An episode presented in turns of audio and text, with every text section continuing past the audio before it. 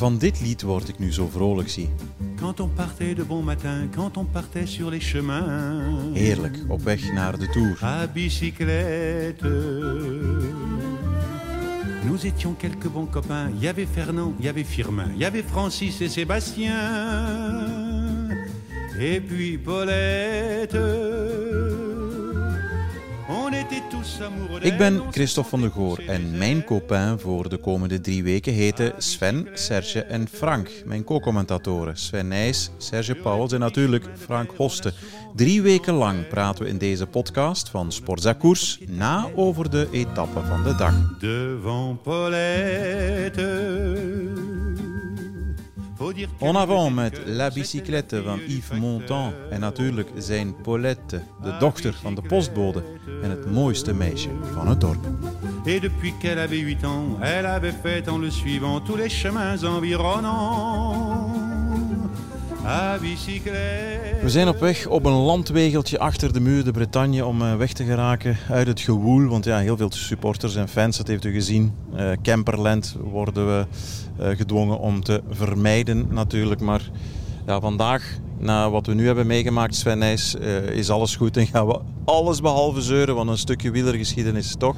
Ik vind het niet erg om Nee. eh, nog wat kilometers in de auto te zitten en wat eh, Na te na, te na genieten over wat we net hebben gezien. Ja, absoluut. Dadelijk over Van der Poel. Eén woordje toch, ere wie ere toekomt voor een man die gisteren echt, of vandaag, rechtgekropen is. eh, Op het podium mocht, een landgenoot, zich getoond, strijdlust. Edward Teuns, goed gedaan. Eh, ja, chapeau. Vooral met ehm, wat hij gisteren heeft meegemaakt. Drie keer tegen de grond gegaan. Ehm, was niet helemaal zeker van zijn selectie. Eh, was daar ook teleurgesteld over op het Belgisch kampioenschap. En maakt daar vandaag toch een punt van om uiteindelijk op te staan na die val. en mentaal ja, het, eh, een boost aan zichzelf te geven. Vooruit te rijden. En uiteindelijk met een hele mooie prijs eh, de dag af te sluiten. Want dat is belangrijk in de Ronde van Frankrijk, dat weten we. Die strijdlust, daarvoor leven de Fransen eh, een, ja, een heel jaar, zeg maar. Hè. Dus Ja, ik vind het knap eh, wat hij vandaag gepresteerd heeft. Hij had duidelijk goede benen, want anders doe je dat niet. Eh fietst ook de rest van die kopgroep gewoon uit het wiel op bepaalde momenten. Eh, en ik denk dat hij echt vandaag heeft willen, willen tonen van kijk, ik heb hier mijn plaats in de Ronde van Frankrijk en het zal niet voor het laatst zijn. Ja, uiteindelijk ja, in, in de grote context moet je zeggen dat dat weinig oplevert in de zin van geen prijs, alleen maar in de aanval gereden. Maar goed, omdat het net de Ronde van Frankrijk is, is dat wel belangrijk. Ieder detail hier is belangrijk. Hè? Absoluut. Eh, strijd van de prijslust is een heel mooie, eh, mooie cadeau die hij daaraan overhoudt. En vooral ook eh, voor zichzelf gewoon een goed gevoel overhoudt aan een, aan een rit waar hij in principe niet kan- geen kansen had om die te winnen. En daar heeft hij wel het maximum uitgehaald. Helemaal. Uiteindelijk gaat het om één naam. Mathieu van der Poel. Goed, laatste 15 kilometer. Eerste passage op de Muur de Bretagne. Hij gaat aanvallen. En ja, dan roep je automatisch ook als verslaggever, verslaggevers, halleluja. Maar bij de top en de bovenkomst, wanneer hij gegrepen wordt, denk je dan, hmm, was dit zo verstandig? Eh, achteraf blijkt het geniaal te zijn. Wat dacht jij op het moment dat hij dat deed? Ik dacht dat hij anticipeerde en dat hij probeerde daar met een select groepje die sprint te ontwijken. Ehm, dat durft hij wel, van ver proberen een aanval op te zetten. Maar je zag dan boven natuurlijk dat hij daar geen vrijgeleide kreeg en dat ook niemand de intentie had om daarmee mee te gaan. Dus eigenlijk was ik op dat moment, eerlijk gezegd, wel wat teleurgesteld. Mhm. Omdat ik zoiets had van, verdorie, Mathieu, ga nu gewoon proberen van die rit te winnen en probeer gewoon eh, al die krachten te bundelen in die laatste klim. En ik dacht dat daar zijn beste pijlen eigenlijk verschoten waren. En Als je dat nu achteraf berekent, hij stond op 18 seconden in het klassement. Dankzij de organisatie, bijna als een godsgeschenk, waren er 8 seconden bij de eerste klim bonusseconden te verdienen. 10 als winnaar. Dat moest hij sowieso al realiseren. Dan nog winnen met minstens 1 secondje voorsprong. En dat scenario wordt geschreven. Sven staat me toe om te zeggen, ehm, mocht dat in, in een scenario, een filmscenario, dan is het een, bijna een slechte of ongeloofwaardige Amerikaanse B-film met een, een happy end waarvan je denkt van, ja ja, zo kunnen wij het ook schrijven natuurlijk. Hè, als het zo perfect uitkomt, maar het gebeurt hier wel. Ja, dat is, het is topsport op zijn aller, allermooist. Eh, de manier hoe hij dat aanpakt. Uh, koppig, eigenwijs, met heel veel zelfvertrouwen. Na toch wel een mislukte uh, dag voor zichzelf dan gisteren, hè, waar hij veel van verwachtte. Ook echt wel teleurgesteld achter de finish stond uit te hijgen met het idee van waar is het hier misgelopen. Mm -hmm. Als je dat dan omzet in wat hij vandaag toont, in een, in een twee-trapsraket, de eerste bij de eerste muur de Bretagne, met het idee van ik ga niet alleen voor ritwinst, maar ik ga ook proberen geel te pakken. En dat lukt dan. Ja, ja daar kan je alleen maar ongelooflijk van genieten en met, met open mond naar zitten kijken. Ga eens terug naar die, die laatste ronde. Um, en ik geef een voorzet richting het teamwerk van Alpecin Phoenix. Dat eigenlijk ook wel heel goed was vandaag. Ja, dat was vooral goed in de aanloop naar de laatste muur de Bretagne. Ze brengen hem op een hele goede manier. Natuurlijk is dat ook in de loop van de dag al wel een paar keer duidelijk geweest. Hij wordt heel goed omringd. Hij rijdt ook lek. Ricard blijft dan bij hem om hem heel rustig terug te brengen. Geen stress op dat moment. Dat doen ze allemaal heel goed. Maar in de aanloop eh, naar de laatste muur de Bretagne heeft hij natuurlijk even moeten herstellen van de inspanning op de eerste klim. Uh, komt dan een klein beetje achteraan te zitten, maar wordt dan teruggebracht op het juiste moment, een goede 5, 6 kilometer van de finish. En uh, blijft dan wel knokken. En dat is toch wel het grote verschil ten opzichte van gisteren. Uh, heeft zelf ook wel eh, de nodige ja, hoe zeg je dat, ehm, de nodige adrenaline om, om, om zich daar niet te laten wegzetten. En dat lukt. En uh, draait dan de klim op. En dan is er ook nog uh, Meurissen, die hem, die hem uh, eigenlijk het tempo serieus de hoogte injaagt op de, op de steilste stroken van Muur de Bretagne. Om dan uiteindelijk zelf te gaan in twee, in twee delen. Ja, dat was ongelooflijk. Had je dit verwacht dat hij dit kon? Want als je kijkt naar de vorige aankomsten, altijd jongens van rond de 60 kilogram. Namelijk de klimmerstypes. De klassementsman hebben hier gewonnen. Cadel Evans, uh, Viermoos, uh, Flinterdun, Daniel Martin. Je ziet hem amper staan. En nu gaat een, een kerel uh, iedereen hier te snel af zijn. Ik had wel verwacht dat hij dat kon. Ik had ook verwacht dat hij dat gisteren kon. Mm -hmm. Ook al is die klim nog een kilometer langer. Uh, het is gewoon een heel speciaal iemand die zo'n eenmalige klim, ook al is die stijl en is dat geen, geen kol van 10 kilometer, kan die overwinnen op de macht. En uh, dat kwam er gisteren niet helemaal uit. Maar als je beelden ziet van een aantal jaren geleden, waar ook Greg van Avermaat niet de rit wint, dat, uh, die wordt gewonnen door uh, Martin. Mm -hmm.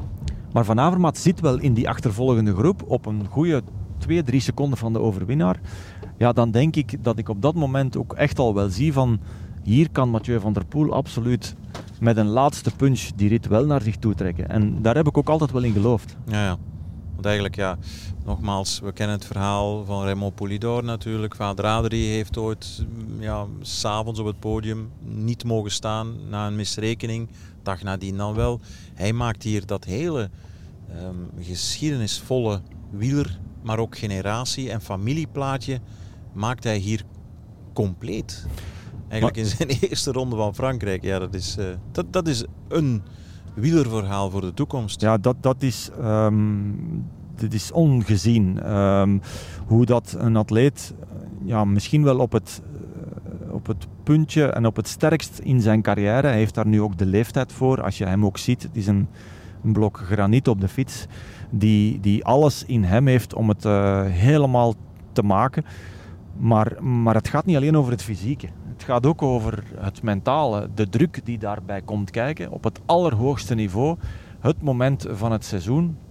Met heel die geschiedenis van de familie, de grootvader, de papa um, en uiteindelijk nu de kleinzoon. Die in zijn tweede etappe ooit in de Ronde van Frankrijk niet alleen de overwinning pakt, maar ook nog eens geel. Waar uh, de grootvader zo lang naar gesnakt heeft. Ja, dat... dat ja, dat is inderdaad. Um, wordt alleen in de mooiste films gebracht en dan komt het ongeloofwaardig over. Ja, maar dan moet je bijna gaan geloven dat de jongen effectief geen druk of geen stress kent, hè, zoals vaak wordt gezegd. Dat hij inderdaad naar de tour komt zonder het parcours bijna te bekijken. En... Heel veel atleten zouden daar volledig door verlamd worden, mm -hmm. door wat hier allemaal komt bij kijken. Uh, laat ons ook niet vergeten dat dit geen World Tour team is. Hè, dat hij eigenlijk dat team helemaal vormt de afgelopen jaren samen met de gebroeders Roodhoofd. Ja. Uh, goede renners aantrekt om hem te ondersteunen. En uiteindelijk dan hier, uh, hier ja, slaagt in, in zijn opzet, in een droom die werkelijkheid wordt. Ja, we zijn aangekomen bij ons hotel. Gewoon even de deur openschuiven, maar wij praten nog even voort, Sven. Um, door te zijn wie hij eigenlijk is, hè, namelijk, ja, het is heel verleidelijk, maar ook gevaarlijk om dat woord te gebruiken, een fenomeen, maar dat, dat is hij wel eigenlijk. Ja. Um, het is een atleet in onze sport die andere jonge generatie kinderen aanzet om ook aan wielrennen te gaan doen. En het zijn prestaties waar je binnen 15, 20 jaar nog over spreekt. En we hebben heel veel overwinningen gezien. Uh, elk, elke dag in de Ronde van Frankrijk uh, heeft iemand een gele trui. Maar dit is zo'n moment dat je nooit meer vergeet. En uh, dat inspireert iedereen, jong en oud. Um, dit maakt mensen gelukkig. Mm -hmm. en, en dat is nu net wat de sport nodig heeft om groter te worden. Ja, ja het inspirerende, het mythische ook. Hè. Daniel Martin zei in de voorbeschouwing op deze etappe die hij gewonnen heeft, um, drie jaar geleden. Ja, het wielrennen is in heel korte tijd veranderd door dit soort mannen. Door Wout van Aert, door Mathieu van der Poel. Het zijn bijna sprinters die, die kunnen klimmen, die alles kunnen. En vroeger in de tijden van specialisatie was dit ondenkbaar. Zij hebben het wielrennen veranderd. Ben je het daarmee eens? Zeg je ja, Vroeger waren er ook Roger de Vlamings die dat konden, min of meer. Merks uiteraard, of Bernardino. Hoe kader jij dat? Um, dat klopt helemaal. Um, zij veranderen de wielersport. En, en dat hoort ook bij dat proces van nieuwe generatie aanspreken. Um, zij kopiëren niet. En dat is nu net wat heel veel andere atleten, uh, andere bedrijven, uh, mensen vaak doen. Ze zien iets en ze proberen dat na te doen. En dat is nu net wat um, zo'n Mathieu van der Poel speciaal maakt. Dat is een uitvinder. Ja, dat is, waar. dat ja, is iemand die, die zijn eigen weg kiest klinkt het niet, dan botst het. Lak die, geeft aan alles. Ja, ja, en, en die daar, die daar een hele, op een hele mooie manier mee omgaat. Met respect voor zijn collega's, die dat ook op een goede manier doen. Hij communiceert goed, maar hij bewandelt zijn eigen weg. Um, en hij, ja, hij creëert iets. Hij is, een, hij is een ontdekker van iets nieuws dat dan weer gekopieerd gaat worden.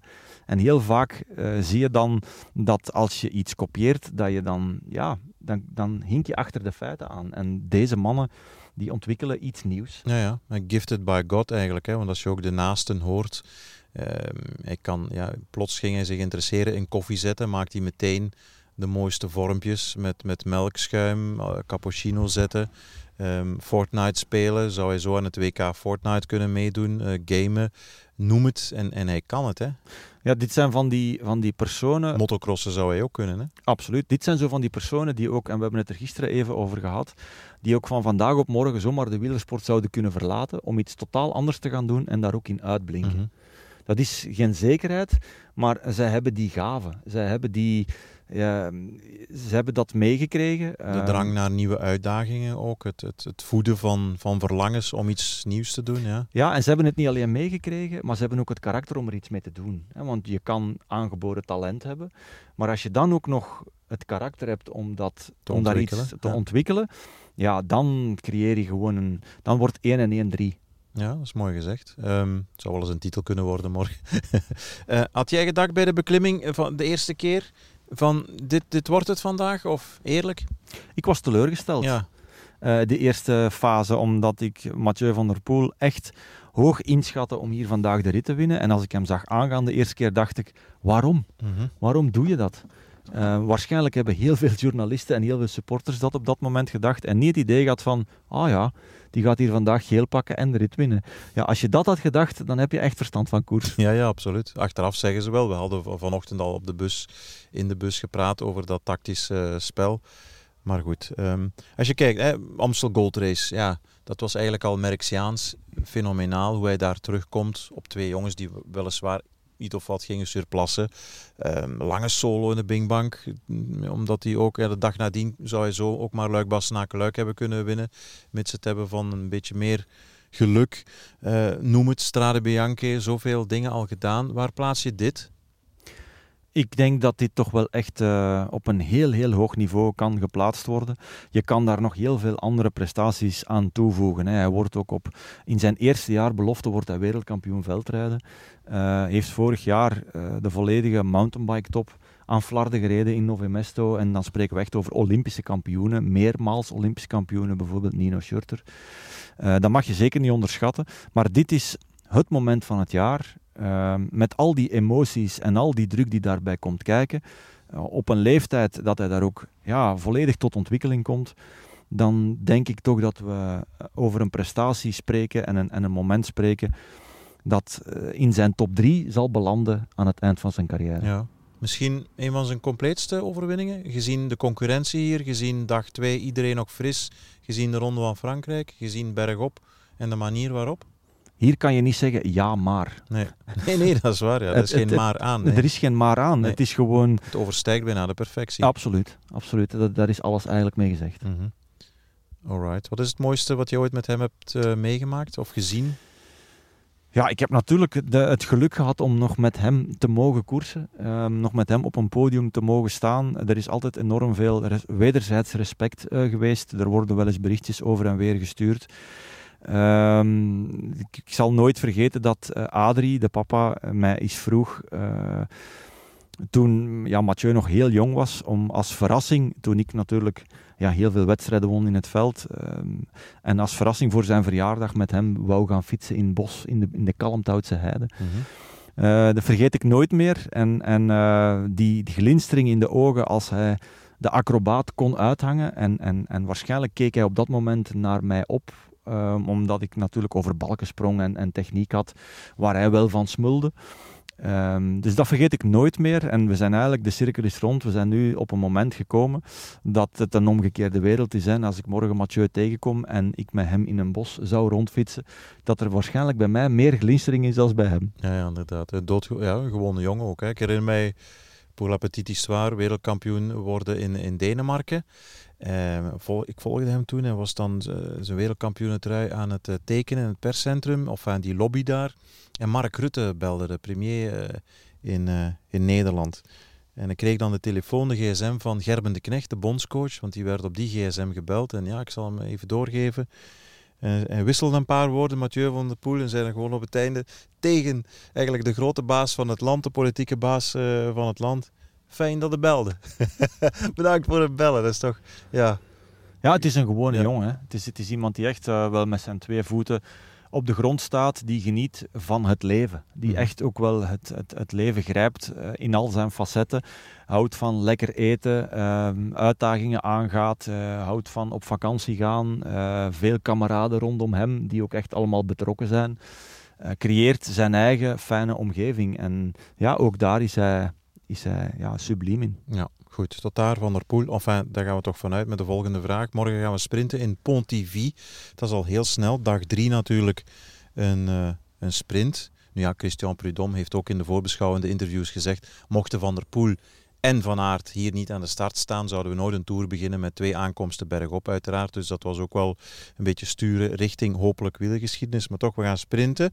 Um, Alpes in Phoenix, gele trui in de rangen, maar ook hier aanwezig met een gevallen herstellende Jasper Philipsen en een, en een ook gevallen. Welke kaart zou jij trekken als jij de ploegleider was? Ja, ik denk dat het vooral uh, intrinsiek de snelste man is die morgen uh, aan het langste eind zou moeten trekken. Maar je moet met twee woorden spreken. Dat is in principe Tim Merlier, denk ik op dit moment. Maar je moet met twee woorden spreken door het feit dat er natuurlijk en kwetsures zijn bij Philipsen, maar vooral ook die val van Tim Merlier gisteren. Hè, twee knieën die toch wel stevig zijn geraakt. De enkel die ook opspeelt. Um, hoe gaat die dag van vandaag verlopen zijn? Is hij voldoende hersteld? Kan hij morgen echt zijn ding doen? In de flow van de gele trui en, en uh, de manier hoe ze morgen die koers zullen gaan aanpakken, gaat hij op een vrij rustige manier uh, vooraan in het peloton kunnen postvatten.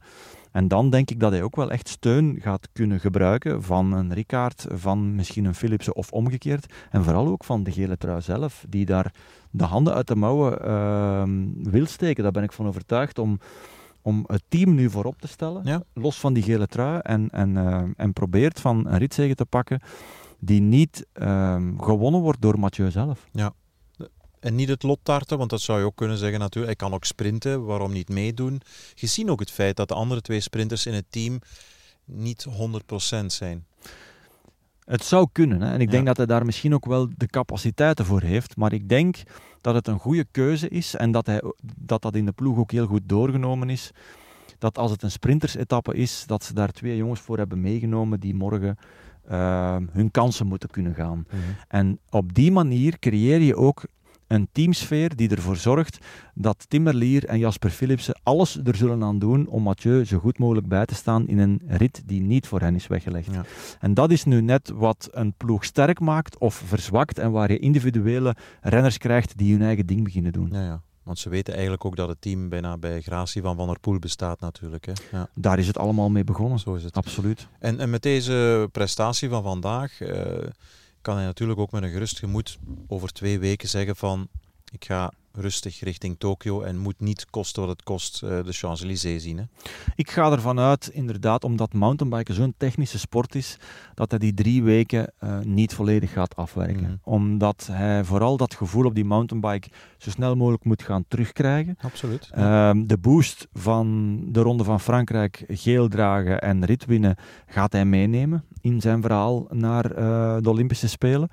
En hij moet nu vooral vermijden om een valpartij op te lopen, een kwetsuur op te lopen en op het juiste moment deze Tour verlaten, om dan uiteindelijk proberen, ik zeg wel proberen, goud te pakken. En u hoort, dames en heren, dat we af en toe ook wel naar de gsm ook nog luisteren in de auto om dingen te checken. No problem. Proberen, zeg ik wel, eh, goud te pakken tegen een Tom Pitcock en een... eh, Ja.